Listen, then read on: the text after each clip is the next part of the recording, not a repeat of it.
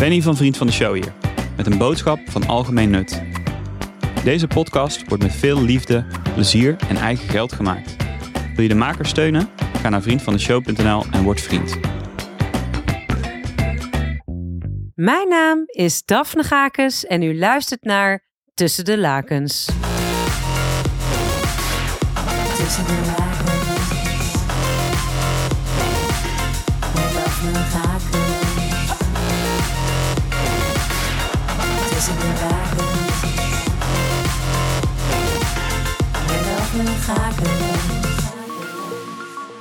Vanaf het moment dat ik me bewust werd van seksualiteit, draai ik iedere steen om op dit gebied. En ik blijk niet de enige. Met uitsluitend leuke mensen ga ik in gesprek over het leven, de liefde en alles wat zich afspeelt tussen de lakens. Tussen de lakens.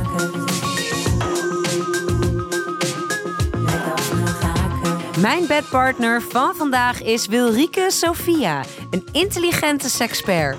Ze blijkt een nijlpaard tussen de lakens. We praten over seksfeestjes, kink en door je knieën gaan. Meteen verliefd of langzaam groeiend? Ik ben wel eh, vol erin. Ja, vol erin verliefd, maar echt dichtbij laten komen, dat gaat langzaam. Wat is daarvoor nodig? Vertrouwen. Weten dat ik veilig ben bij iemand. Ik denk wel dat mensen wel snel denken dat ze jou heel dicht bij zich hebben. ja, dat, dat klopt. Dat is ook zo. Ik kan mensen tot ik denk 90% dichtbij laten. Heel makkelijk, iedereen. Of in elk geval heel veel mensen. Niet iedereen, maar wel heel veel mensen. En je mag ook heel veel van me zien. Maar echt, echt dichtbij, het allerlaatste stukje, dat is eh, selectief aantal mensen. En hoe laat je mensen dan zo dicht bij je komen? Oh, dat is een hele goede vraag. Dat is eigenlijk eentje waar ik nog steeds eh, best wel over aan het puzzelen ben met mezelf. Eigenlijk gaat het over ontspannen. Echt helemaal ontspannen bij iemand. Maar dan ook zeg maar het muurtje rond mijn hart ontspannen. En durven, durven vertrouwen dat ze zorgvuldig daarmee omgaan. Ja, en hoe ik dat precies doe, ik denk dat dat nog een zoektocht is. Kijken of bekeken worden? Oh, allebei. allebei. Heerlijk. Lief en zacht of stoer en stevig? Ook allebei. Seks in bed of overal? Ik ben een heel wijd spectrum, zeg ik wel eens tegen mensen. Dus ik ga je weer allebei zeggen. Ja. En heb je in de praktijk ook eh, seks overal? Als ik zo een eh, lijstje maak, eh, ik heb ooit eens een keertje gedacht van kun je een alfabet maken van alle plekken waar je seks hebt gehad? En dan kom ik een heel eind inmiddels. Nou, En is het dan nog leuk? Weet je wel, ik, ik kan me ook zo voorstellen dat als je alles ontdekt hebt, dat je op een gegeven moment denkt, "Pff, geef mij maar een bed. ah ja, dan is dat dus weer een hele leuke plek. Dan is dat ja. niet meer zo saai. Ja. Ja, maar een bed is voor mij ook niet saai. Ik vind eh, ik, ik vrij momenteel vooral in bed en dat vind ik heerlijk. Hmm. Lekker comfortabel, knus. En dan is de focus ook meer op het lijf waar je mee bent. En je eigen lijf misschien, meer dan met de omgeving. ja, dat is het ding inderdaad. Dat heb ik heel erg als ik buiten seks heb, dat ik me niet zo goed, dat ik alleen maar bezig ben met, worden we niet gepakt? Ja, en dan is het misschien meer eh, een exciting ding. Ik kan me Ja. voorstellen, je kan met de auto over de racebaan rijden, maar je kan ook in een hele relaxed auto een beetje zo, eh, een beetje cruisen en een beetje om je heen kijken. Dat is een hele andere beleving. Hmm. en allebei goed. En allebei heerlijk. De geur van vers zweet of van parfum? Oh, vers zweet alsjeblieft. Ja? Ja. Ja, ik hou niet zo van al die synthetische geuren en zo. Nee, als ik lovers, liefjes heb die, eh, die met parfum opkomen, dan vind ik ze overweldigend. Ik ruik liever de mens. Ja. Mensen kunnen toch ook wel een beetje stinken? En dan stuur je ze toch eerst even onder de douche door. Oh ja. ja. Lang en uitgebreid vrijen of kort en hevig? Ik hou er wel van om de tijd voor nemen. Maar af en toe, af en toe heb je gewoon zin om even snel. En dan is er is niet zoveel tijd of je wil gewoon even snel. Ja, en daarna lekker lang slapen, want ik ben moe. Ochtend, middag of avondseks? Nou, als ik de tijd heb, vind ik het heerlijk om langzaam wakker te worden. En dan zo'n beetje zo'n lome mood zo aan elkaar te beginnen te zitten. En dan vrij vind ik heerlijk. Ja. Maar hoe krijg je dat organisatorisch dan voor elkaar? Ik bedoel, je hebt echt een drukke baan. Je bent moeder, je hebt een volle agenda. Ik ben ook wel iemand die gelooft in eh, tijd voor met je liefjes moet je creëren. Hm. Met je partner. En tijd voor vrije. Af en toe moet je daar gewoon tijd voor maken.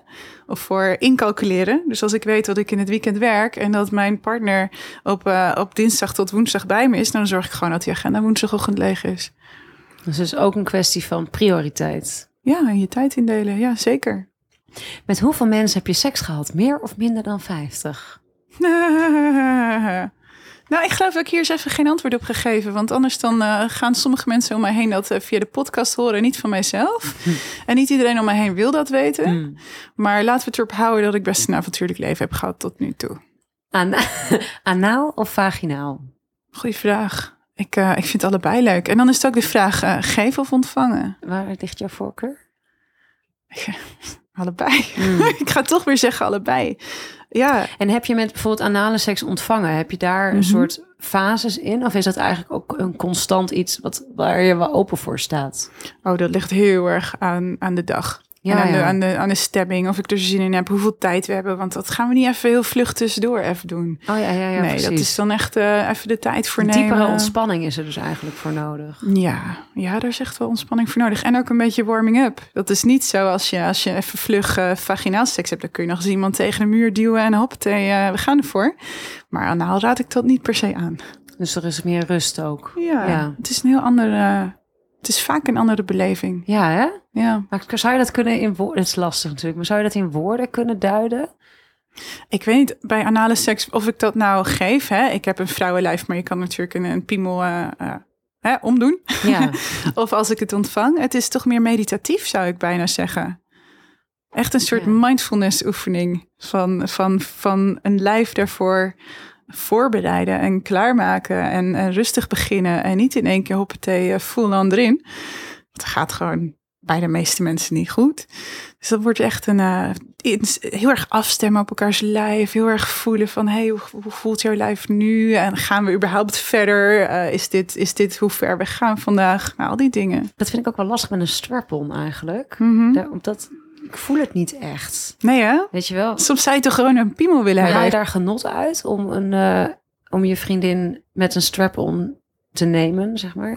Dat kan ik wel heel erg leuk vinden, ja.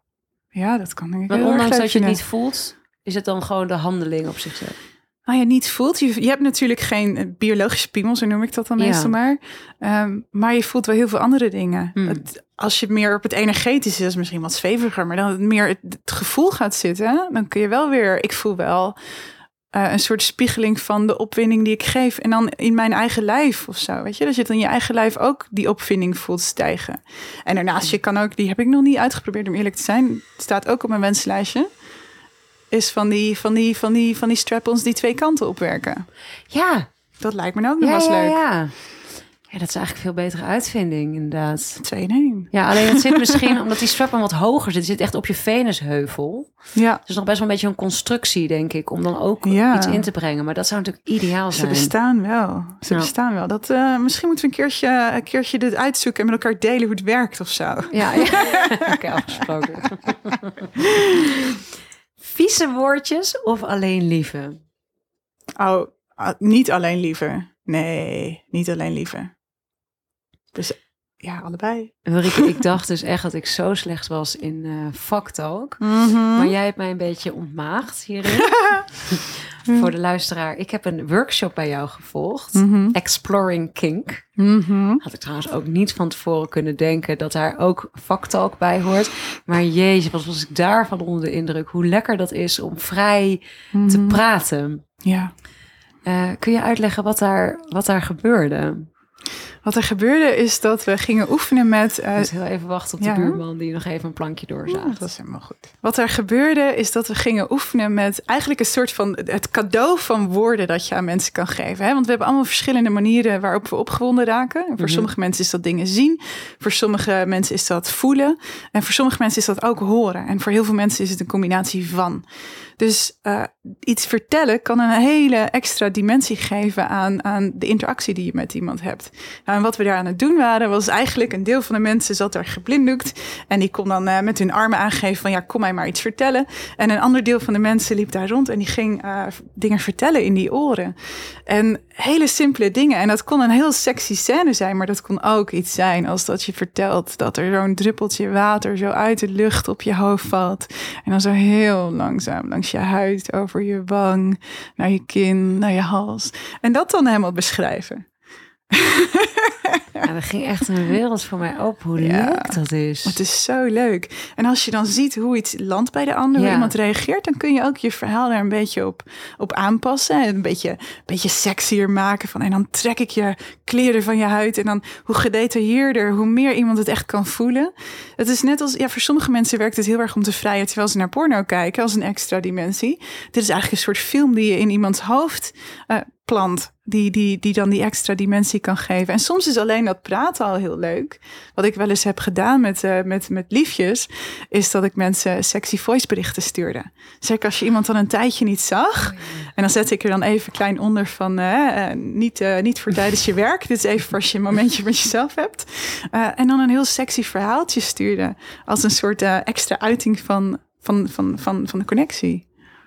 Dus dat was een heel weekend, was ik bij je. Mhm. Er wordt heel veel aangereikt op alle zintuigelijke manieren die je kunt bedenken. Hoe, hoe komt dit op je pad? Hoe word je, ja, hoe noem je dit eigenlijk? Ik doe van alles wat gaat over contact tussen twee mensen. Van, van platonisch aanraken tot eh, wat de, de tantra die hier naar het westen is gekomen. Dat, eh, dat, dat ook. Maar ook intimiteit. Mensen leren over hun grenzen. Sommige workshops gaan alleen maar over ja en nee zeggen. En kink is daar een onderdeel van. En dat is, eh, ik ben dat gaan brengen omdat het in mijn eigen leven zo'n ontzettende impact op me heeft gehad. Dat ik dacht van, hé, hey, dit, als dit voor mij werkt, eh, ik weet inmiddels dat waarvan ik denk van, nou, dit is heel spannend, dit werkt voor mij. En misschien ben ik wel de enige waarvoor dit werkt. Dat is eigenlijk voor heel veel mensen heel erg goed. Dus ja, dat wat, is ook. eh, wat is tantra? Ja, dat is ook een vraag aan hoeveel mensen je dat vraagt. Zoveel antwoorden zul je krijgen. Ja, ja. Wat Maar is het voor jou? Wat het is voor mij is in één zin eh, keuze kunnen maken. Dat is eigenlijk in één woord is keuzes. En in één zin zou het zijn ehm, met zoveel mogelijk eh, compassie zijn met dat wat er in mij leeft op dit moment. Zonder dat ik dat hoef te veranderen. Maar met zo min mogelijk oordeel. Dus als je het dan vanuit dat standpunt bijvoorbeeld hebt over tantrische seks, dan is dat voor mij seks die niet per se gericht is op een orgasme. Want als je seks hebt waarbij je eigenlijk bezig bent om een orgasme te krijgen, ben je eigenlijk steeds met de volgende stap bezig. Ik ben nu hier op 10% van mijn orgasme. Hoe kom ik naar 20%? Hoe kom ik dan naar 30%? Welke beweging is er nodig? Hoeveel, hoe hard moet ik de vibrator zetten? Eh, wat moet ik eh, mijn partner laten doen eh, om daar te komen? En daarmee ben je dus eigenlijk elke keer net niet in het nu, maar net een stapje verder. En als je dan tantrische seks hebt, dat gaat voor mij over, oké, hoe kan ik dus echt in het nu zijn? Wat voel ik dan nu? Wat gebeurt er nu in mijn lijf? En dat doe ik over, over een seconde weer. En het hoeft niet anders te zijn dan wat er nu is. En als ik een keertje niet, soms heb ik, ik heb zo'n lijf dat soms eh, eh, in no time een orgasme heeft. En ik heb een lijf dat er soms niet een orgasme doet, want weet ik veel waarom. Dat ik daar dan ook, oké, nou vandaag dus niet, dan gaan we het ook niet forceren. Het is, dit is ook fijn. Ja. En een- ander groot gebied waar, of een andere speerpunt, en daarna diep Mhm. duiken we in de kink. Maar een ander echt groot eh, aandachtsveld, zeg maar, binnen jouw werk is eh, consent. Ja, dat zit overal in. Alles wat ik doe.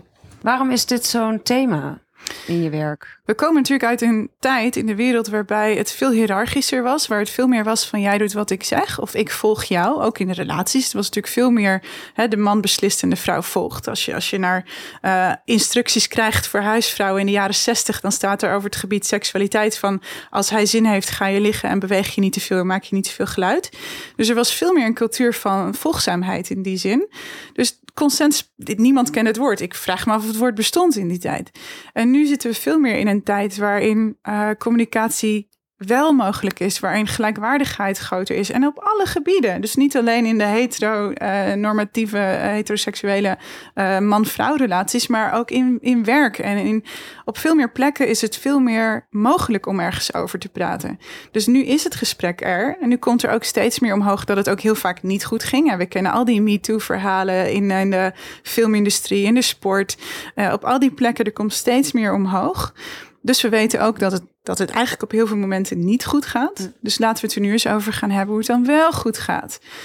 We hebben nu ook de, veel van ons hebben ook de luxe om aan onszelf te werken. Dus om, om tijd en geld te besteden aan eh, hoe kan ik een, eh, nou, misschien is de simpelste vraag, hoe kan ik een zo gelukkig mogelijk mens worden? Ehm, wat helpt mij daarbij? En vaak gaat het over zelfvertrouwen, over grenzen, over kunnen aangeven wat je lekker vindt, wat je wil, wat je niet wil. Nou, en dat gaat allemaal over consent. Ik kan jou vertellen wat ik wil en ik kan jou vertellen wat ik niet wil en jij kan dat aan mij vertellen. En dan kijken we eigenlijk als een soort Venn-diagrammetje, weet je wel, twee van die cirkels, waar zit de overlap? En dat is dan de afspraak die we maken. En dat is, dat is dan consent. Word je daar een ander mens van? Ja, zeker. Ja, zeker. Ik heb er, ik, ik heb er echt wel meer vertrouwen door gekregen. Omdat ik nu weet dat ik mezelf in situaties verzeld kan laten raken waar ik de controle over heb. Vroeger, ik was vroeger een heel onzeker meisje, ontzettend verlegen, ontzettend onzeker. Dus het leven en interacties met, eh, met in die tijd eigenlijk alleen maar mannen, eh, het overkwam me. En het overkwam me regelmatig dat ik achteraf dacht, of tijdens zelfs dacht van, hé, maar dit wil ik helemaal niet. Maar ik had geen enkele tools eh, of, of, of vertrouwen dat ik daar iets, of dat ik die situatie kon veranderen. En nu, en Kink is er ook een onderdeel van geweest, eh, weet ik dat ik de taal heb en dat ik de, eh, de autonomie heb om te zeggen van hé, hey, maar dit is niet de kant die we opgaan. Dit wil ik helemaal niet. Je bent mij nu ergens aan het aanraken waar ik dat niet wil. Of je bent me aan het aanraken op een manier die ik niet wil. Of zelfs je bent nu grapjes met mij aan het maken op een manier die ik niet wil. En dat gaan we niet zo doen. Dus we gaan het erover hebben. Ja, en in die zin ben ik echt wel een ander mens geworden. Ik ben zekerder van mezelf geworden, eh, ontspannender in het leven geworden. En ook uh, creatiever en enthousiaster. En creatiever, creatiever, dat gaat eigenlijk over het stuk. Um, ik heb het wel eens in mijn workshops over de red race from eye contact to orgasm. Dus je komt iemand tegen en eigenlijk gaat er dan een soort automatische uh, roltrap in werking. Van we hebben oogcontact. Nou, als we elkaar leuk vinden, dan gaan we praten. Dan, dan biedt de een de ander een drankje aan. En dan gaan we misschien wel aanraken op de arm. Dan gaan we misschien wel zoenen. Dan gaan we misschien wel met elkaar naar huis. Dan gaan we misschien wel seks hebben. En het is een soort automatisch geheel. En vroeger zat ik altijd uh, in het geheel van: oké, we zitten nu in deze stap. Dus dit is de volgende stap. Dus dit is de volgende stap. En nu, met meer taal voor, hey, dit vind ik fijn, dit vind ik niet fijn, is het net alsof er een soort wereld van creativiteit is opengegaan, waarbij er veel meer opties zijn. Er zijn bijvoorbeeld mensen in mijn leven waarbij ik het heel fijn vind om ze aan te raken, maar wel met kleren aan. Hm. Of misschien naakt tegen iemand aan te liggen, maar niet om seks te hebben. Of wel om seks te hebben, maar niet de relatie te hebben. Of uh, juist alleen maar door elkaars haar te kriebelen. Of wat dan ook. Of lange wandelingen te maken. Of uh, weet je, dat, er is ineens veel meer mogelijk. En dat heeft het ook veranderd. Dus de wereld is van eigenlijk van één baan naar een soort volledige driedimensionele full color. Zoveel opties zijn er om met mensen in interactie te zijn ja, we, komen, we leven natuurlijk echt in een maatschappij van duiden. Ja. Ik ben dit, dit hoort bij mijn persoonlijkheid. Ja. Dat lijkt me zo heel moeilijk daaraan. Dat je dan de, de, de weet je wel? Dan, uh, we zijn natuurlijk zo gericht op kleur bekennen. Klopt. Ja, en in eerste instantie, ik denk dat duiden en hokjes, dat dat in eerste instantie heel erg kan helpen. Want hè, ik, ik noem mezelf nu ook queer en niet meer zozeer vrouw en zeker niet meer hetero, wat ik vroeger wel dacht dat ik was. Dus het hokje bi heeft me heel erg geholpen. Het hokje panseksueel heeft me daarna heel erg geholpen. Het hokje queer heeft me daarna nog veel meer geholpen. Het hokje loslaten van het binaire man-vrouw verschil heeft me ook weer geholpen. Er zijn allerlei van die hokjes die me dan helpen. En dan op een gegeven moment wordt zo'n hokje weer beperkend. En wat en is dan is beperkend het... aan het hokje waar je nu in zit? Nou, dat hokje queer is gelukkig een heel groot hokje. Wat heel veel aspecten heeft, inclusief gender, seksuele voorkeur, politiek, uh, politiek uh, kijk op de wereld. Het eigenlijk is queer is eigenlijk te omschrijven als alles wat, uh, wat de normen uitdaagt. Dus dat is een hokje waar ik me voorlopig nog wel, wel in vermaak. Kink. Kink. Ja. Wat, wat boeit jou daarin? Ja, ik, misschien een beetje hetzelfde als het woord queer. Het gaat heel erg over de normen uitdagen. En, en misschien helpt het om te zeggen, want voor sommige mensen, mensen zullen kink en BDSM aan hetzelfde uh, linken. Ja. Maar voor mij is, is kink uh, iets veel breders, waar, hm. waar BDSM heel erg gaat over uh, bondage, dominantie, submissive, touwen, allemaal dat soort dingen. Masochisme, pijn, allemaal dit dingen vind ik allemaal ook prachtig. maar dat is een, slechts een onderdeeltje van kink, waar, waar kink is meer alles wat ja, mensen zeggen dan alles wat niet vanille is. Nou ja, wat is dan vanille? Alles wat niet in, het, in, in wat voor jou het standaard plaatje is past. Dus voor sommige mensen is, is kink is, uh, buiten seks hebben. Voor sommige mensen is ruige seks is kinky. Voor andere mensen is het om in een le leren jurkje naar een feestje te gaan is kinky. Eh, voor andere mensen is met je partner kijken naar een ander stel dat eh, seksuele handelingen met elkaar verrichten is sexy. Dus het is allemaal is kinky. Dus, dus, dus het is een heel brede categorie en dat vind ik er eigenlijk heel prettig aan. Want het geeft mij dus ook weer. Ik hou dus ik hou van vrijheid. Het mag duidelijk zijn. Eh, het geeft mij heel veel ruimte om, om binnen te bewegen. Ja, is ja. inderdaad dus een heel, heel, heel breed spectrum. Ja. Je trekt ook een hele brede doelgroep aan, viel mij Ja. op. klopt. Echt van een enorm jong, oud, dun, dik, echt van Ja. alle soorten, maten, mensen. Verlegen, mensen uit India. Mensen uit India, Ah, mensen van over de hele wereld, zo hele wereld. toe. Ja. dus je, ik zie dat ook in je marketing terug. Everybody needs, of everybody deserves touch. Ja, dat klopt. Ja, Een van je kernwaarden is dat, dat iedereen zich welkom voelt Ja. in die kink. ja, het hoeft niet voor iedereen te zijn. Maar ik wil wel dat iedereen die nieuwsgierig is, die zou willen komen, dat hij zich welkom doet, voelt. En daar, daar zet ik me wel voor in, ja. Nou ja, ik ging dus dat eventjes te- aan mensen om mijn, in mijn omgeving vertellen. Van, ah, ik ga naar een kink workshop. nou, dus niet iedereen is daarvoor in. De, het idee bij kink is dus wel eh, latex, eh, harnas, Ja. eh, mannen in een Schotse rok. die dan pijn, dominant zijn over dominant- vrouwtjes die volgzaam Die zijn. met een halsband om, met een ketting ja. door de ruimte heen.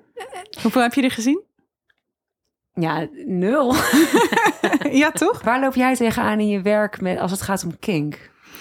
Nou, er is heel veel stigma. Weet je, ik vertel niet, eh, als ik eh, een kind van het schoolplein haal, vertel ik niet per se dat ik dat weekend de kinkworkshop ga geven. Dan heb ik een eh, genuanceerd antwoord. Ehm, Wat is dat? Ant? Wat zeg je dan? dat ik mensen, dat ik een workshop geef waarin ik mensen help om meer zelfvertrouwen te krijgen in hun contact met zichzelf en met andere mensen. En dat het heel erg gaat over grenzen, over communicatie, over consent, over respect.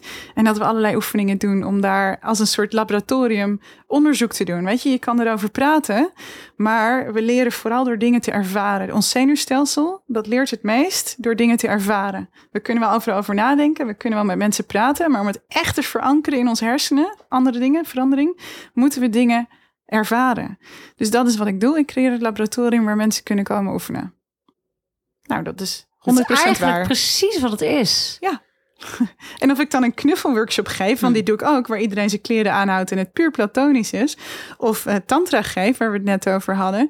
Of een heel weekend waar we alleen maar oefenen met ja en nee zeggen in allerlei manieren. Of kink geef, het maakt echt niet uit. Je kan ook een workshop eh, mindfulness of yoga doen, of, of partnerdans, waarbij je hetzelfde leert. Het zijn allemaal verschillende wegen naar Rome. En dit zijn de wegen waar, waar ik gewoon een hele hoop lol in heb om die aan mensen aan te bieden. Ik was met mijn partner daar. En eh, ik was zondagavond, dus het was twee, twee dagen, zaterdag en zondag. En zondagavond dacht ik, oh ja, je kunt echt nog zo lang met elkaar praten. Maar eh, samen zoiets doen, zegt meer dan duizend woorden. Je, je leert elkaar Hmm. heel snel, heel goed kennen. Ja. Omdat je inderdaad heel bewust wordt van, wil ik dit? Kan ik dit? Hoe vind ik dit? En maar ook de ander daarin natuurlijk eh, checkt. Ja. Want het is natuurlijk, Klopt. ik vond het ook moeilijk om te zien als, als hij ongemakkelijk was, bijvoorbeeld. Dat- En hoe deal ik daar dan mee? Eh, ga, ik hem, ga ik het oplossen voor hem? Laat ik hem ermee? Heel veel mensen komen alleen naar zulke workshops, maar andere mensen komen ook met hun partner. Eigenlijk, eigenlijk net zoveel wel. Hm. Eh, je, je haalt er andere dingen uit. En zeker dit soort dingen samen doen gaat je heel veel laten zien over je relatie. En hoe je eh, met elkaar eh, je soms ook vervlochten bent. Hoe je elkaar probeert te redden misschien soms. En hoe je er voor elkaar bent. Dus het kan zowel de, de patronen die helpend zijn... als de patronen die misschien minder helpend zijn in je relatie. Dat, dat komt wel omhoog. Het legt het bloot. Ja, dus het is ook nog een stukje relatietherapie krijg je er zomaar bij. ja. En noteer jij ook wel eens van, oh, dit stel, ik interpreteer het zo, zo, zo, zo. Weet je wel? Noteren als een opschrijven? Nee, ik bedoel, eh, jij, jij Oh. ziet dat dan? Dus, Ja. hè? Doe je daar ook wel eens wat mee? Niet ongevraagd. Want hè, consent.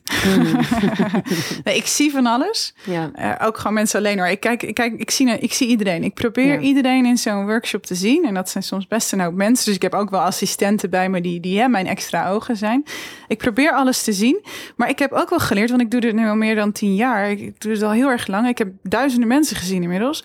Eh, ik heb ook wel geleerd dat niet zomaar dingen te interpreteren. Want ik weet niet wie iemand is. Ik weet niet wat de geschiedenis is.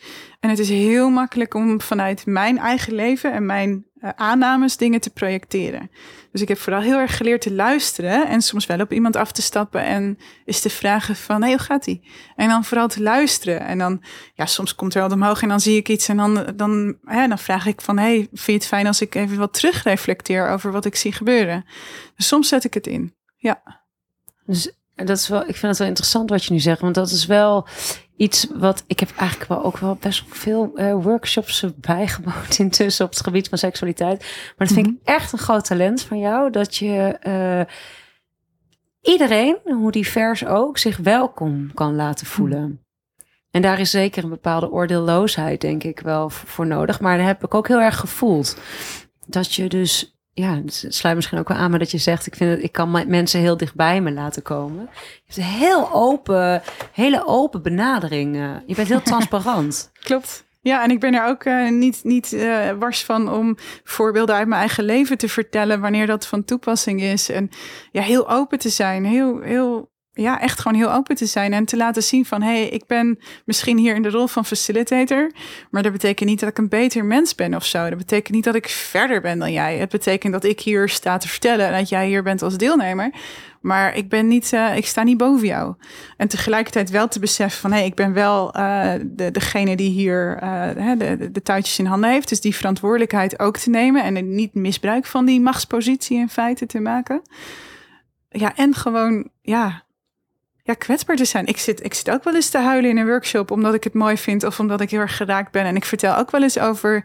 Ik, een van mijn favoriete dingen om te doen is als we. Hè, in een workshop heb je dan vaak zo'n moment dat je een partner uitkiest voor een oefening. Je buddy noem ik dat dan maar.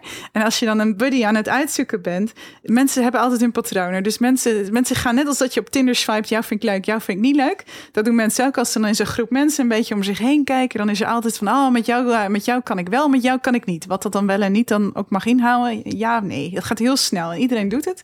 En als je dan mensen zo'n beetje door een zaal ziet lopen om een, eh, om een buddy te vinden voor een oefening, dan zie je altijd, of als ze denken dat dat moment gaat komen, dan zie je ze altijd een beetje rondhangen rond een persoon. Of juist maken dat ze naar de andere kant van de zaal komen ten opzichte van een persoon.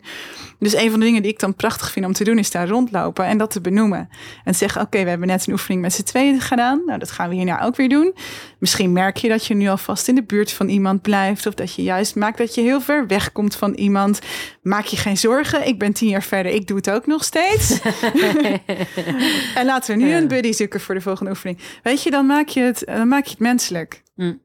En ja, tuurlijk weet ik dan dat mensen ineens iets kwetsbaars over mij weten. Maar dat, dat, is, dat is het waard. Maar ik heb dat dus ja, een beetje voor juristisch, zeg maar, echt gadegeslagen ook. Met hoe zoek je dan een partner uit? En ik had een hele, zo'n eye-openende ervaring waar ik mezelf heel erg in herkende. Namelijk, we moesten een, ehm, we waren al een, een, een, een heel stuk op weg en we gingen slaan, elkaar slaan met een zweep. Mhm. En ehm, twee mannen Mhm. waren over. En die Mhm. gaven elkaar dus, je moet dan met de hand, je hand opgestoken rondlopen. En die kwamen dus bij elkaar, dat waren buddies. En bij allebei zag je een ehm, discomfort. Shit, we hadden dit anders. Je zag het gewoon, ze keken naar de weg van de grond. Van, we hadden hier andere verwachtingen bij. Mhm. Ze hadden aan het einde van het weekend zo'n enorme klik. En ze zijn na die oefening ontzettend naar elkaar toe gegro- gegroeid. Je zag zeg maar die band ontstaan. En ik, ik, dat vond ik een hele hartopenende situatie. Van als je dus probeert open te blijven. En zeker inderdaad zo- zolang het goed voelt. Maar de dingen aangaat. Mhm. Dan kan je nog zelfs voor hele interessante verrassingen komen te staan. Het gebeurt heel erg vaak dat mensen denken van nou, ik weet het niet zo goed met jou. Maar goed, het is niet een harde nee. Dit is nog wel binnen mijn grenzen. Laten we het aangaan. En dan ontstaat er iets heel moois. En dat is denk ik ook wat je dan aan het eind van zo'n weekend voelt. Er is zo'n quote van, eh, van Ram Dass, dat is echt mijn favoriete quote. Die, die zegt, we're just human beings walking each other home. En dat vat voor mij zo wat we doen in zo'n workshop. Want we komen met z'n allen naar zo'n plek waarvan we weten van we komen met een intentie om iets iets met mezelf te gaan doen. Om te leren over mezelf of over wie ik ben in deze relatie met mijn partner. eh, wie wij met elkaar zijn. En dan zijn we in een groep. We weten ook dat we naar een groep gaan. Daar kiezen we bewust voor. En dan zijn we met die hele groep eigenlijk elkaar aan het helpen. Een dag, een avond, twee dagen, een hele week. Om naar dat doel waar we heen willen, naar die stip op die horizon, om daar naartoe te bewegen. En we helpen elkaar. En dat vind ik zo hartverwarmend. En dan heb je het over, ja, we, deden een oefening met een zweep. Ehm, zelfs dan. Hmm. Zelfs dan ben ik iets aan het doen. Als ik iemand bij mij op schoot heb liggen en die, eh, we hebben eh, afgesproken van, nou, ik ga jou op je billen slaan. Dan doe ik dat. Mijn hart zit in mijn handen, letterlijk. Dan doe ik dat vanuit mijn hart. En ook omdat ik het leuk vind hoor. Want ik ben ook echt wel een beetje een sadist. En ik vind het heerlijk om dit soort dingen te doen. Uh, hè, dus dit is een methode voor die voor mij werkt. Anderen doen uh, duo yoga of gaan, uh, gaan een meditatie voor iemand inspreken. Net zo mooi. Maar voor mij is dit, of, of een therapeutische sessie, wat voor vorm dan ook. Voor mij is dit ook een vorm van: hey, ik ben er voor jou. En we gaan samen op reis. En ik neem jou mee. En ik ben er voor je. En als ik zo, zoiets doe, als ik iemand op zijn billen ga slaan of wat dan ook, dan is er ook altijd eerst, hè, hebben we het erover, wat gaan we nu eigenlijk doen? Maar ik, je zal ook altijd zien dat ik met een hand op iemands lijf, die rust op iemands lijf, of ik aai iemand een tijdje, zodat het lijf weet, we zijn veilig en we gaan iets moois doen. Hm. En iets als, uh, als, als kink, hè, waarom is dat nou leuk? Waarom zou je iemand nou slaan? Dat gaat heel erg daarover. Weet je, voor sommige mensen is het een hele diepe meditatieve ervaring. Of is het, uh, hè, er komen natuurlijk heel veel endorfines en andere hormonen bij los als je een intense ervaring hebt. Of dat nou uh, uit een vliegtuig springen is of, uh, of een, een, een scène in, in BDSM of in kink. Uh, kan, je, je kan in een bepaalde mindset komen, in een bepaalde mindspace, um, waarin je ineens inzichten krijgt bijvoorbeeld. Waarin je jezelf leert kennen. een andere reden waarom zoiets heel tof kan zijn, is omdat mensen een traumatische ervaring hebben. En die eigenlijk heel bewust in scène willen zetten, maar dan met een andere afloop. Nu heb ik diegene wel van me af kunnen slaan.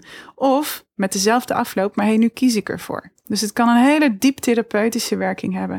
Ja, er is, ik heb ook echt in lange tijd niet zoveel gehuild als in, in dat weekend. Maar ook ontzettend gelachen. Ja. Dat, is ook, dus dat vond ik zo een beetje bipolair bijna, mm-hmm. weet je wel. Zo voelde het echt. Want het was die totale bevrijding van kinderlijke speelsheid. En plezier met elkaar. Onbevangen uh, plezier. En die hele die diepe pijn van... Bij mij zat, zat het veel in de oefeningen rondom veiligheid. Ja, ik vind het echt heel moeilijk om, uh, om door mijn knieën te gaan letterlijk voor iemand. Ja. Dus we hadden een stare-down wedstrijd. Dus je moest iemand aankijken. en ik was zo vastberaden van je gaat sowieso door je knieën. Mm-hmm. Gasje. ja. En toen ging die. Mm-hmm. En toen zag ik hoe knap dat is dat, het, dat hij dat deed. Mm-hmm. Hij, hij, dat ik dacht, oh, het is zo... Mm-hmm. Dat ik me zo zwak voelde, dat ik Ja. dat niet kon. Ja. Hè? Dus de, hij zat op zijn knieën en ik was de verliezer. Mm. Ja, wauw. Ja, omdat hij het echt met overgave deed. Ja. Snap je? Ik bedoel, hij, hij, zei, hij keek me aan en hij zegt, ja, ik, je mag mij overmeesteren. En dat is, oh, Mhm. dat ik dus, dus dat daarna wilde oefenen om ook Ja. door mijn knieën te gaan. Maar het is echt heel moeilijk. Het is echt heel moeilijk. Ja. ja, en dat is ook een hele mooie, want dat is een van de dingen die ik in mijn kink-workshops heel graag doe, is spelen met die machtsdynamieken van de ene leidt en de ander volgt. Hè. In BDSM noem je dat soms domination en submission. Ehm, leiden en volgen. Weet je, we hebben bijna altijd hebben we die dynamieken wel in ons leven. Of dat nou met je werkgever is en ook in je relaties is die dynamiek er heel erg vaak. Of als ouder voor je kind. Of er zijn heel veel uh, connecties, ook in vriendschappen, waarbij er iemand in de leidende rol is en iemand in de volgende rol is. En vaak zijn we daar ons helemaal niet zo bewust van. En het leuke is als je dat inderdaad zo heel erg gaat uitvergroten en met elkaar afspreekt van jij neemt de leiding en jij volgt. En dat gaan we symboliseren doordat jij voor me op de knieën gaat. Uh, of doordat ik jou een blinddoek om doe en jou door de zaal begeleid. Of doordat jij voorover tegen de muur staat en ik met, uh, met zo'n mooie, mooie zweep op jouw billen sla. Um, hè, binnen consent allemaal nogmaals. Um, dan, uitvergroot, dan vergroot je die uit, die dynamiek. En door iets uit te vergroten kun je heel erg bewust worden over je eigen patronen die onbewust in je leven zijn. En je kan ze dan ook nog eens een keer omdraaien. En dan, hè, dan beleef je de dynamiek van twee kanten. En dan de meeste mensen zullen merken, de een is makkelijker dan de ander. Ja, dat heeft heel vaak te maken met onze jeugd, met uh, hoe we op school gepest werden, hoe, uh, wat voor relaties we hebben gehad. En op het moment, en als je zegt, één woord voor tantra is mijn woord keuze. En voor mij is tantra in heel veel dingen vervlochten. Op het moment dat jij je bewust bent van een patroon, kun je kiezen om het anders te doen. Hm. En dat is wat ik zo mooi vind aan deze oefeningen. Voor mij, toen ik hiermee ging spelen, en ik vertelde je, ik was uh, vroeger heel verlegen en onzeker. Ik kwam verlegen en onzeker in die wereld van kink terecht. Met iemand die mij keihard domineerde. Eh, en op een dag zei, Wilrike, vandaag doen het andersom. Dat ik dacht, eh, En ik heb daar even staan bibberen en trillen en, en, en ik weet niet, ik was helemaal van me apropos. En ineens komt er een, een, een deel van mij, alsof er zo iemand van de bank komt, ergens ver weg. En die loopt een soort van naar de voorgrond in mij. En die zegt, oké, dat gaan we doen. En ik ben eh, deze persoon, een gigantische kerel, eh, gaan domineren. Totdat hij, eh, hij wilde heel graag bij zijn emoties komen. En dat lukte niet via praattherapie en zo. Hij wilde huilen. Nou, hij heeft het hele huis gezien. En daarna lag hij te huilen op zijn bed. Hij was helemaal blij. En ik vond een stuk voor mijzelf waarvan ik dacht, nou, dit stuk heb ik nog nooit eerder gevoeld. Jeetje, ik ben iemand die de leiding kan nemen en iemand wordt daar blij van. Iemand is daar dankbaar voor. Wow. Nou, misschien zijn er ook wel andere plekken waar ik dit kan, want dit voelt eigenlijk wel heel erg prettig. Dus een heel stuk zelfcensuur en mezelf klein houden na een leven van mensen die zeggen, je bent te veel, je mag niet, je mag niet iets doen, je moet, je moet volgen, je moet schikken kwam, ging er ineens een soort deur open. Er kwam een hele, hele, hele vleugel in, eh, in, in, in mij, werd geopend. En echt, sinds dat moment kan ik, daarvoor gaf ik ook geen workshops, dat ik nu voor een groep van 50 of 100 man ga staan met het gemak van de wereld, heeft daarmee te maken. Dat ik eh, een makkelijk makkelijker moeder ben voor mijn kinderen en echt niks te stellen heb met mijn pubers of weinig te stellen heb. Ik denk dat dat een van de redenen is omdat ik comfortabel ben met hé, hey, nu neem ik de leiding. En ik weet dat ik dat kan en ik weet dat het jou gaat helpen. Wat een kick is dat, zeg. Ja, en ik zie dit dus als, als mensen in mijn workshop komen. En heel vaak is dat dan in die oefening die jij net beschreef. Waarbij je, nou ja, eigenlijk waar je je rollen eh, verdeelt. Van de een leidt, de ander volgt. En we kiezen bewust voor die rol. En de meeste mensen kiezen eerst voor de rol die ze wat makkelijker vinden. Nou, dan komt dat moment dat we die oefening omdraaien. Dat mensen in de andere rol stappen. En ik zie het ik zie het gebeuren. Het is vaak maar een paar tellen en je ziet iemands lijf veranderen, je ziet iemands oogopslag veranderen. En, en, en ze zijn nooit meer hetzelfde eigenlijk. Het is een heel bevrijdend gevoel. Ja, alsof je, alsof je meer. Ik, ik- voor mezelf voelt het alsof ik meer mijn ruimte inneem. De ruimte die ik heb in mijn lijf en de ruimte om me heen, alsof ik die meer inneem. Minder doorzichtig ben. Ja, en omdat iets, als je dus geen grens aangeeft, heb je gewoon super harde pijn. Ja, ook En dat. Dus je moet, je moet Ja. op een gegeven moment zeggen, je geeft dan een cijfer aan de pijn. En je moet, op, je moet daar wel eerlijk in zijn. Dus ik vond het ook Ja. eh, de. be- Ja, dit is een oefening waarbij iemand de ander op de billen slaat en dat degene die dat ontvangt zegt: Ik voel niks, dat is een nul, Ja. of dit is echt Ja. ontzettend pijnlijk, dit is een tien. Ja. En daar gaan we helemaal niet heen, we gaan niet hoger dan een zeven. Eh, dat, je moet het gaan zeggen, inderdaad. Dus je leert ook om te communiceren. En je kan natuurlijk altijd die hele oefening stoppen als je denkt: Dit is niks voor mij, of hey, woe, dit is wel heel heftig. En maar dat vind ik een hele eh, fijne training. Want ik heb zoveel vrouwen in deze podcast intussen horen zeggen. En zelf deal ik er ook mee. Dat je achteraf denkt. Oh nee, dat vond ik toch niet zo fijn. Met terugwerkende kracht. Ja. En dat je traint om in het moment te voelen. En eh, daar zijn dan tools. Dus inderdaad, voor Mhm. bijvoorbeeld een cijfer is heel iets concreets. Maar je had ook Ja. een mooie met eh, groen licht, oranje, rood licht. Simpele dingen. Eh, en dan is eh, groen, hè, van we gaan, we gaan, Ja, we gaan, we We gaan, gaan door. lekker, we gaan Ja, door. Oranje, er, er, moet iets misschien een klein beetje aangepast worden. Want ja, Nou, zonder hier, eh, misschien, zonder ja. misschien. Er moet iets er moet aangepast iets worden. aangepast worden. Ja, oh ja. ja. Er moet iets aangepast worden. Ik zit hier op een houten bankje en mijn kont valt in slaap. Of weet ik veel wat. Maar dat er iets... Hè? En rood is we kappen er gelijk mee. Dus dat is ook zo van die handige tools om even te checken. Niet de moed te killen, maar even te checken van eh, hoe, hoe. Dit is precies waar deze workshops voor zijn. Om te trainen in te veranderen dat je een patroon hebt van je dingen laten overkomen en achteraf denken van oh dit was hem niet. Om dan een hele concrete situaties te zijn. En nogmaals, ik doe dit via Kink, maar ook via die hele platonische workshops of workshops waarin überhaupt geen aanraking is.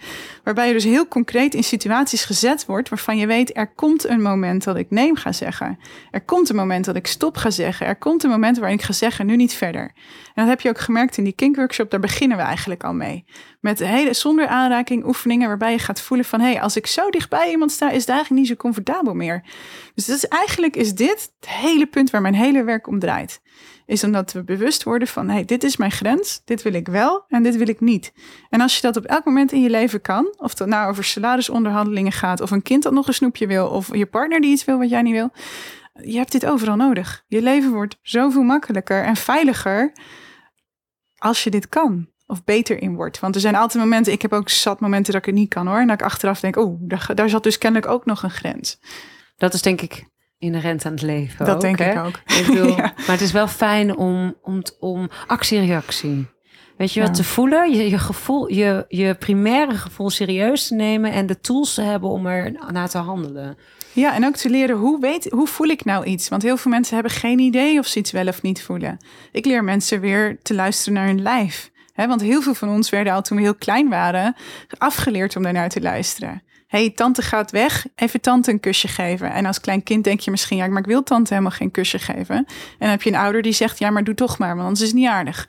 Dus je moet je eigen grenzen overgaan hè, ten behoeve van iemand anders. En als je daarmee opgegroeid wordt en ook hetzelfde over aangeven wat je wil. Zoveel van ons eh, groeien op met kinderen die vragen worden overgeslagen. Dus op een gegeven moment laat je het wel om iets te vragen. Hm. Dus eigenlijk moeten we dat stuk wat we heel erg afgeleerd hebben, sommige mensen decennia lang en heel erg en sommige wel minder, maar heel veel toch wel behoorlijk.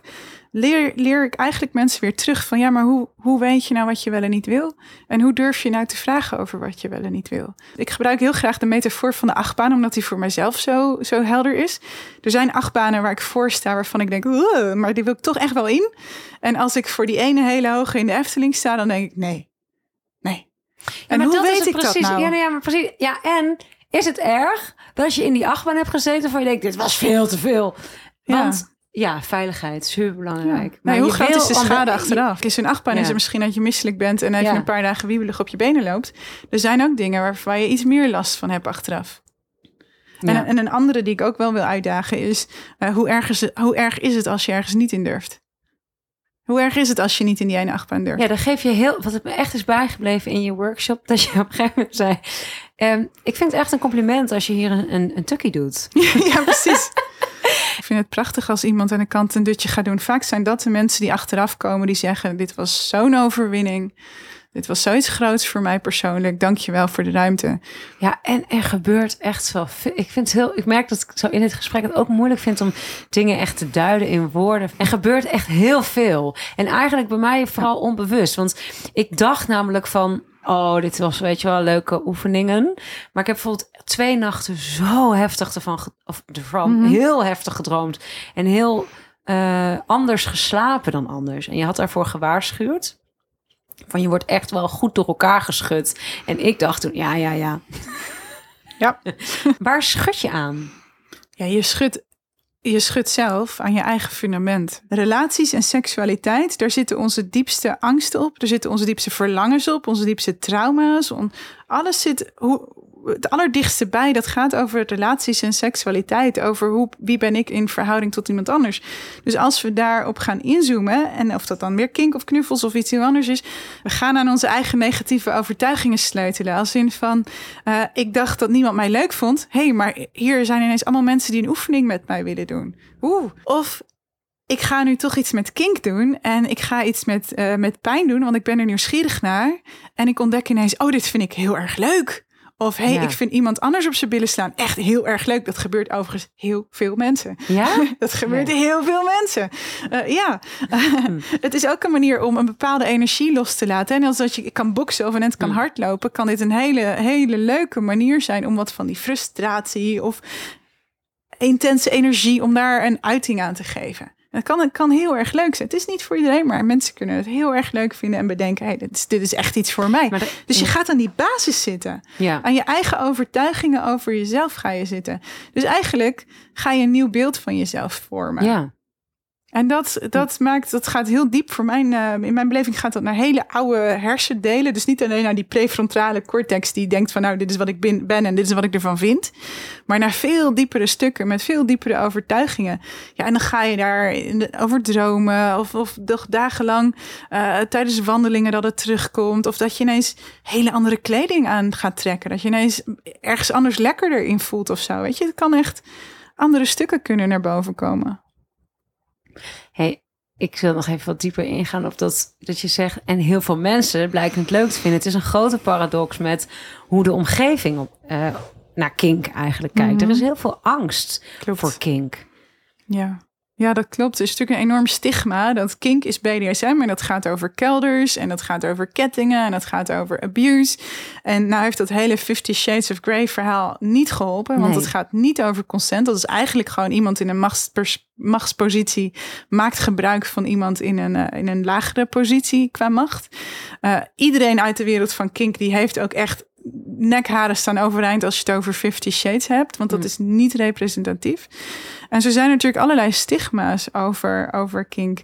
Maar de, de mensen die dit doen en de mensen die hier komen, nou ja, wat je zegt, een heel diverse groep. Je komt mij ook gewoon op schoolplein tegen. En ik ben niet iemand die elke vrije minuut in de kettingen hangt of zo. Echt allerminst. Echt allerminst. Weten dan de andere moeders op het schoolplein wat voor werk je doet? Nou, als ze, als, ze, als ze deze podcast luisteren, zullen het er weer een paar meer zijn. Ja, ik kom echt wel eens tegen dat mensen vragen van... goh, wat, eh, wat is dat nou? Maar aan de andere kant, ik ben er zo open over... dat mensen heel vaak juist reageren met... jeetje, wat is het eigenlijk interessant? Ja. Jeetje, wat is het eigenlijk leuk? Dus helemaal niet wat ik dacht. Dus een kentering eh, van op het moment dat echt eh, de, de zweep de huid heeft geraakt. eh, dat er een opluchting door de, door de, door, door de zaal leek, te, leek te gaan. Ja. we, de- we hebben het gedaan. Ja, ja, ja. ja. We did it. Ja, heel veel mensen, juist naar deze workshop komen natuurlijk ook een heleboel mensen die denken van, oh, dit vind ik wel heel spannend. Ja. Maar iets trekt me wel aan, hè, die achtbaan. Van, hè, ik vind het spannend, maar het trekt me wel aan. Dus ik wilde het toch eens een keertje onderzoeken. En, en vaak ook met, met een partner. En dan kom je erachter dat samen iets edgy doen, samen iets spannends doen, is ontzettend verbindend. Of dat je partner is of een nieuw persoon. Kijk, je kan ook samen een parachutesprong doen. Of samen, samen soms merk je dat mensen iets heel heftigs, een, een heftig ongeluk of iets in heel, of een, een, een, natuurramp, eh, weet je, iets heel, heel spannends samen beleven, waardoor een band hechter wordt. Omdat je Ja, samen ja. een hele edgy ervaring hebt. En dat is wat je hier ook doet. Je creëert eerst veiligheid. Dus ik zeg mensen in mijn workshops ook altijd, we beginnen langzaam. We gaan echt niet meteen met die zwepen. Die kwamen pas na de lunch. Voor die tijd heb je ze niet gezien. Eh, eerst die veiligheid. En dan vanuit die veiligheid naar die edge. En dan zul je ook zien hoe verbindend en hoe lollig het is. Want het is inderdaad ook met heel veel humor en heel veel speelsheid. En dan ook nog eens te ontdekken dat bepaalde impact, hè, of dat nou met een hand op een bil is of met een vlogger, weet je wel, zo'n zweep met allemaal van die fliebels eraan, ehm, die overigens vaak minder pijn doet, maar meer als een soort deep tissue massage voelt. Eh, spectaculair. En heel spectaculair uitziet. Ja. Dat het heel verbindend is. En dat je heel veel lol met elkaar hebt. En dat je juist door al die communicatie. En ik denk dat je dat heel erg voelt. Dat mensen denken van, oh, maar dit is, dit is eigenlijk echt ontzettend leuk. En ik vind dit heel erg leuk om te doen. Hey, en heb jij in je dagelijks leven gebruik jij ook zweepjes? Of is het...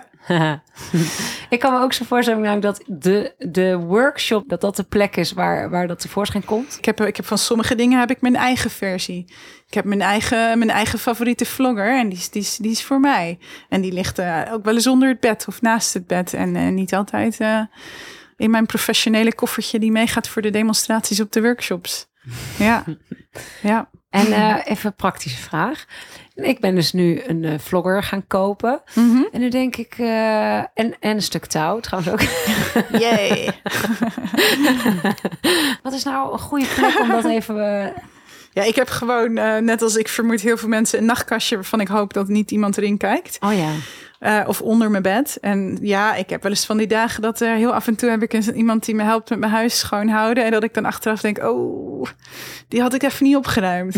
Weet je? En ik heb ook Oh, echt ja. wel eens gehad, want ik heb natuurlijk een behoorlijke voorraad aan, aan vloggers en, en, en zweepjes en al dat soort dingen. Want ik, ik sleur een hele instante workshop mee achter in mijn Toyota Prius. Eh, dat, eh, dat, nou ja, dat is, het, is, het ligt wel gewoon opgeborgen in mijn koffertjes.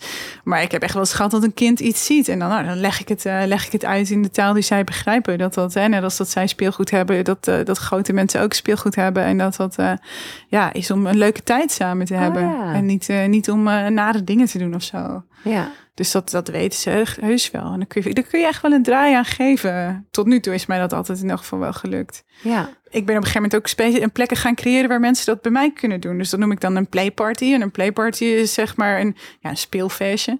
Is, is een, een workshop middags en dan s'avonds. Dan, eh, dan kun je met elkaar of met andere mensen eh, spelen. En dan, eh, en dan zorg ik dat ik een mooie voorraad van allerlei dingen die je zou kunnen uitproberen bij me heb. En dan kun je gewoon tegen de oppas zeggen dat je avondje naar de bios bent of zo. Moet je eerlijk zeggen, ik krijg echt van veel, opvallend veel luisteraars de vraag... Goh, eh, ik begreep dat jij wel eens stoute dingen doet. Waar moet ik dan Mhm. heen als ik Mhm. een keer met mijn partner eh, een leuke avond wil en de parenclub staat me niet aan? Ja, dan is zoiets een heel goed idee. Ik vraag mensen altijd, het, helpt als je enige eh, ervaring hebt met workshops. Dus altijd, bij mij is het altijd 's middags een workshop. En dan is het avondeten of, of middageten. Ligt eraan wat de tijdsdelen zijn. maar een dagdeel workshop eten.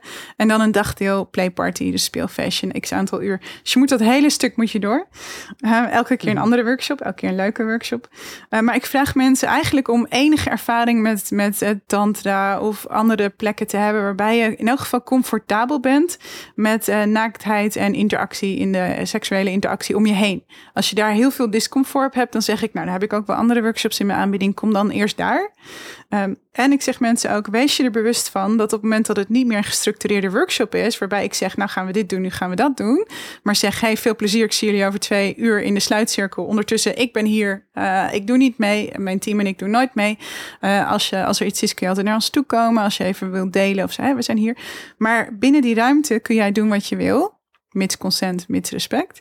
Dat betekent ook dat je eh, makkelijker dan in een workshop geconfronteerd wordt met je eigen ongemak. Wat nou als niemand jou kiest? Wat nou als jij niet de moed hebt om iemand te kiezen? Dat kan best confronterend zijn. Dus ik waarschuw mensen daar wel voor dat dat kan gebeuren. En ik vraag van, nou, het is wel fijn als je enige capaciteit hebt om hè, dat aan te gaan. Ik zeg, een, een playparty is een beetje tussen een workshop en de, en de echte wereld, de echte tinderwereld, Ehm, of de echte wereld, waar, waar best wel dingen naar boven komen. Soms Ja, en wat ik maar... heel erg het voordeel vind van de constructie, hoe jij me nu uitlegt, is dat er geen eh, alcohol en drugs Zeker lijkt te niet. zijn. Nee. En er is eh, een, iemand die een oogje in het zeil houdt. Ja. Dus dat zou ik dan een fijn, veilig gevoel eh, vinden. In vergelijking met een parenclub, waar je dus, eh, ja, er is wel camerabewaking Mhm. en er is een beveiliger aan de deur. Maar het idee dat, dat iemand met mij meekijkt, Dat die is dus er. ook ingrijpt op het moment als, als het, neem ik aan. Als, ja, als jij naar ons drie keer naar ons kijkt met Ja. een indringende blik, dan, of waarschijnlijk de eerste keer, dan staan we al bij je. En Maar is dat wel Iedereen- eens gebeurd? Nee, Dus ik ik heb, één keer, ik heb één keer iemand naar huis gestuurd. In de afgelopen tien jaar, duizenden mensen, heb ik één keer iemand naar huis gestuurd. Dus dat is niet zoveel. Komt ook omdat iedereen die hele workshop door moet. Ja. En ik waarschuw ook, als jij voor snelle seks komt, moet je vooral niet hier komen, want dan ga je hier niet vinden. Want als dat jouw attitude is, dan ga je daarop afgerekend worden. Dus dat wordt hem niet. En mensen moeten die hele workshop door. En in die workshop zitten altijd elementen van communicatie, van consent, van dingen vragen, van ja zeggen, van nee zeggen. Dus tegen de tijd dat je in het playparty gedeelte bent, dan heb je echt al een heel aantal keren ja en nee gezegd. En is het dus makkelijker als je het echt nodig hebt. Ja, Plus iedereen, we hebben ook een paar, hè, een van de tekens die we altijd in elke workshop gebruiken is als je je armen voor je borst kruist. Dat betekent blijf van me af, laat me met rust, hè, momentje met mezelf. Iedereen weet dat. Dus als Ja. jij midden in die playparty bent en je kruist je armen voor je borst, dan weet iedereen oké, jou laat ik nu met rust. En als wij zien dat iemand dat niet doet, nou dan, dan hè, ik, we zijn minstens met drie mensen die, die, die de boel voorzien. Ik en minstens twee assistenten. Ehm, dus er is altijd, er is altijd support. En heb je wel eens een situatie gehad waar je dacht, ah, wat jammer dat ik nou niet mee kan doen. Ja, tuurlijk. tuurlijk, dat gebeurt. Dat gebeurt. En dan is het inderdaad de zaak als je als goede facilitator daar eh, niks mee doet. Je denkt drie keer ademhalen. En ook wel eens dat soort momenten gehad in tijden dat ik geen partner had, en geen lover had, dus zelf eh, niet heel veel aandacht kreeg. Ja, jammer dan. Dat is echt een gevalletje jammer dan. Want eh, hè, een dokter deed ook niet met zijn patiënten. Een psycholoog ook niet met zijn cliënten. Eh, ik sta net zo goed in een machtsverhouding tot mijn deelnemers. Eh, dat gaat gewoon niet gebeuren.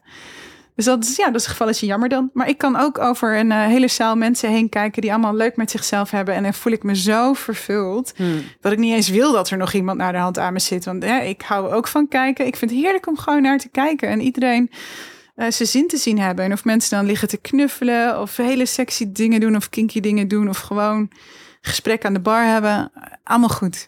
Ik vind het prachtig. Dus Hmm. het is heel, dat is al heel vervullend. Ik heb hier een aantal dieren. Mhm. Welk dier ben jij? Het nijlpaard. Het nijlpaard. Trek jij op een bijzondere manier de aandacht, dan ben je een echt nijlpaard. Nijlpaarden zullen vast van alles geprobeerd hebben om op te vallen, want de manier die is blijven hangen is heel erg bijzonder. Sorry. Tijdens het poepen gebruikt een nijlpaard namelijk een korte staart als propeller en slingert daarmee zijn eigen kak de wereld in. Hiermee bakent hij territorium af en daarnaast worden vrouwelijke nijlpaarden er bloedje geil van. Heb jij een bijzondere manier hoe je opvalt? Ja, ik zie er wel een beetje queer uit tegenwoordig. Ik heb niet meer alleen maar lang haar. Dat is nu eh, half kort. En, eh, en het, ik heb gewoon kleding aan die ik leuk vind. Dus ik loop net zo makkelijk in een eh, pantalon met een glimmend shirt als in een jurkje als in iets heel anders. Dus het is, ja, het is altijd weer anders en vol overtuiging. Ja.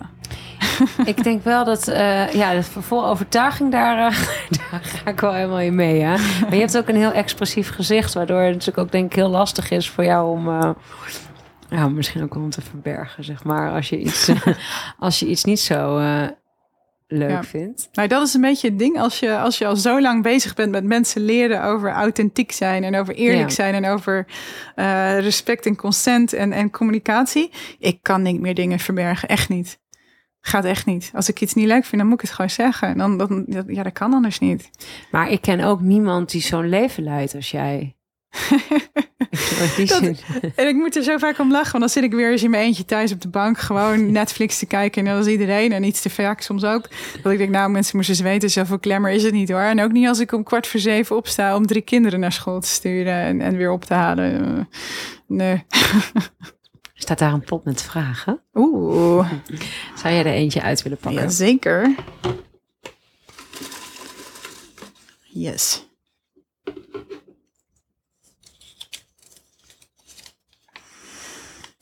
Heb je ooit een berichtje ontvangen waar je helemaal opgewonden van werd? Oh, nou en of. En wel meer dan één ook. ja. Ja, ik heb eens een keertje, was een tijdje, was heel erg leuk, met een hele, hele mooie, knappe man die ik nooit ontmoet heb, die in Amerika woonde, maar die eh, een lover was van een, van een heel dierbaar persoon voor mij. En die dierbare persoon tussen ons in, die had zoiets van, jullie moeten wat met elkaar. En toen, eh, toen hadden wij zoiets van, oh, dat was best een leuk idee. Dus we zijn eigenlijk, eigenlijk het enige, enige contact wat we ooit hebben gehad, was een paar maanden lang elkaar hele sexy berichten sturen.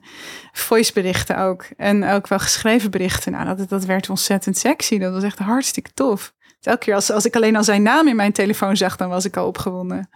Ja, maar ook wel met anderen. Ik heb ook wel eens iemand een soort van gedomineerd via WhatsApp berichtjes. Is ook heel leuk. Je hele leuke dingen mee doen. Dan eh, iemand vertellen wat hij met zichzelf moet doen. En dan eh, foto's of een geluidsopname als bewijs terugvragen.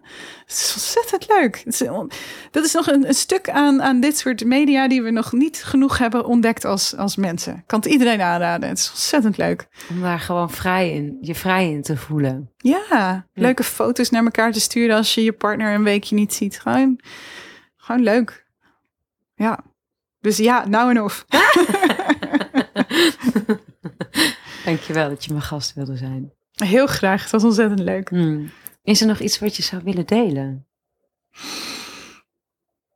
Ik zou het iedereen gunnen om nieuwsgierig te zijn en te blijven naar wat er allemaal mogelijk is in contact tussen mensen. En het is prima om vooroordelen te hebben en het is prima om te denken: dit is niks voor mij. Maar misschien zijn er ook dingen die wel wat voor jou zijn, wat het ook is. Wat het ook is. En vul dat zelf maar in wat het is. Maar om nieuwsgierig te blijven. Want nieuwsgierigheid is in mijn beleving zo'n levensvreugd. Zoiets leuks. Het houdt je relatie spannend. Het houdt je eigen leven spannend. Wat is er nog meer? Welke, welke dingen ken ik nog niet? Wat zou ik nog eens meer willen ontdekken? Dus blijf, blijf nieuwsgierig. En heb je nog een hele concrete sekstip aan de luisteraar? Vraag eens aan je partner. Hoe wil je dat ik jou nu aanraak? Tot zover Wilrieke. Los van toffe workshops is het ook heel erg leuk om Wilrieke te volgen op socials. Ze is te vinden onder Wilrieke Sophia. Deze podcast maken, ik vind het te gek. Ik heb er ontzettend veel plezier in. Het kost alleen ook een boel tijd en geld. En om dit te kunnen blijven maken, zou je mij enorm helpen door je te abonneren op Vrienden van de Show. Ga naar vriendenvandeshow.nl slash tussen de lakens en doe een eenmalige of maandelijkse donatie vanaf 2,50 euro. Dat is toch geen geld? Daarom. Voor nu ontzettend bedankt voor het luisteren. Tot de volgende.